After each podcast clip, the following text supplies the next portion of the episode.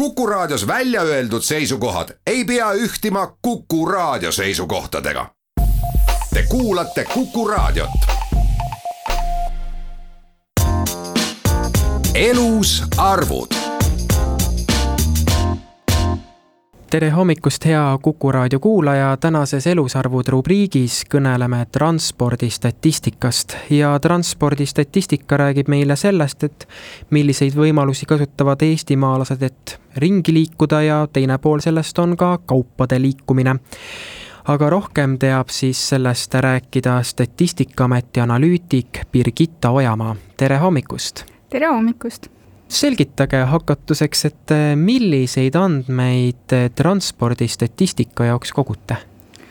Äh, meil on Statistikaameti andmebaasis infot enamike transpordiliikide kohta.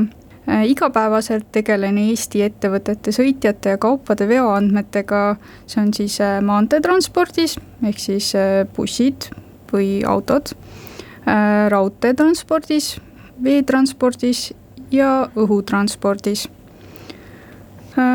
raudteetranspordis kogume ka infot äh, liikluse kohta erinevatel raudteelõikudel. veetranspordi teemal saame teada, mis laevad meie sadamaid külastavad ja õhutranspordis saame ka lendude kohta infot äh, Tallinna lennujaamalt. kui alustada sellest, et räägime inimeste liikumisest, et missugused on parasjagu need kõige populaarsemad, levinumad transpordiliigid, millega siis Eestis inimesed liiguvad? no kõige rohkem sõitjaid on bussitranspordis. Bussitranspordi eeliseks on selle lai levik paljudesse kohtadesse, kuhu võib-olla tahaks, lihtsalt ei saa rongi või laevaga.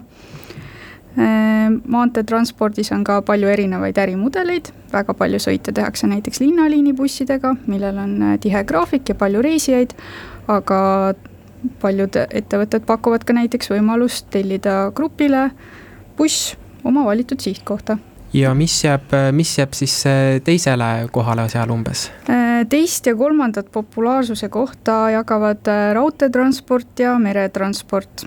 Et meil lendude osa on päris väike, aga see tuleb siis sellest, et me uurime Eesti ettevõtteid. Ja Eestis ei ole väga palju õhutranspordiettevõtteid, aga muidugi Äh, kui vaatame rahvusvahelisi reise, siis äh, muidugi lendamisel ja laevadel on äh, suurem osatähtsus kui mõelda sellele, et siin ikkagi oli väga pikk koroonapandeemia, et kuidas see mõjutas just nimelt sellist ühistranspordi kasutamist? koroona mõju oli kindlasti tunda, et eelmine aasta oli hästi erakordne aasta.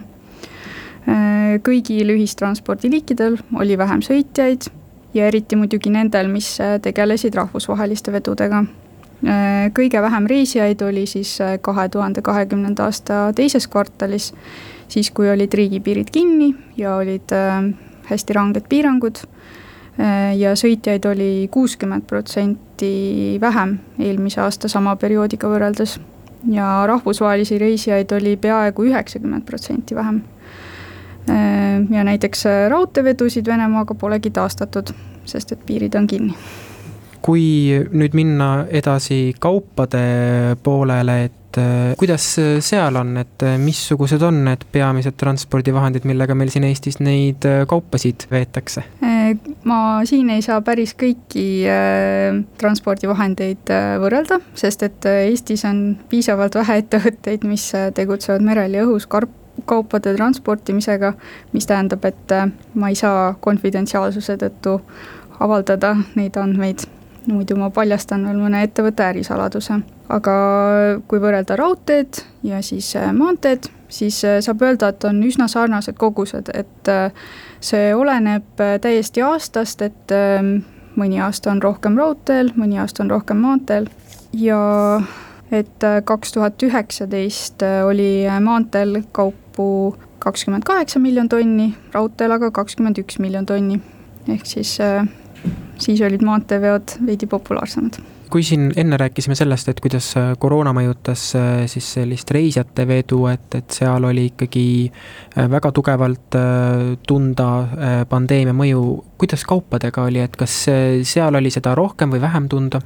kaupades oli kindlasti olukord veidi kergem, et äh, piirangute mõju oli äh, väiksem ja see äh, efekt oli hajutatum, et äh, koroonaviirus hakkas tegelikult ju juba enne Eesti Vabariigis kehtestatud piiranguid ettevõtteid mõjutama, sest et mujal Euroopas juba viirus oli liikvel. aga kokku vähenes kaubamaht äh, siis kaks tuhat kakskümmend aastas umbes viiendiku võrra aga samas kahe tuhande kahekümnenda aasta lõpus oli juba mõnel transpordiviigil veoseid äh, rohkemgi kui kahe tuhande üheksateistkümnendal aastal, nii et see täiesti olenes transpordivahendist kuivõrd oluliseks on saanud viimasel ajal ka selline roheline mõtteviis, et kas on märgata olnud eh, ka seda, et on, ühistransport on muutunud populaarsemaks? noh, kui me vaatame näiteks kümne aasta taguseid arve, siis noh, ma veoste kohta väga ei oska rääkida, seal on pigem see kütuste teema, aga saab öelda, et Eesti transpordiettevõtetel on tulnud küll Äh, noh, kui me võrdleme kaks tuhat kümme aastat kaks tuhat üheksateist aastaga, et on tulnud neljandiku võrra rohkem sõitjaid. ja kõige rohkem sõitjaid on äh, juurde tulnud äh, raudteele. rongisõitjate arv on kasvanud seitsmekümne viie protsendi võrra. ja ma arvan, et seda mõjutas Elroni uute rongide tulek, et nendega on mugavam sõita kui enne ja see, need on ka hästi kiired.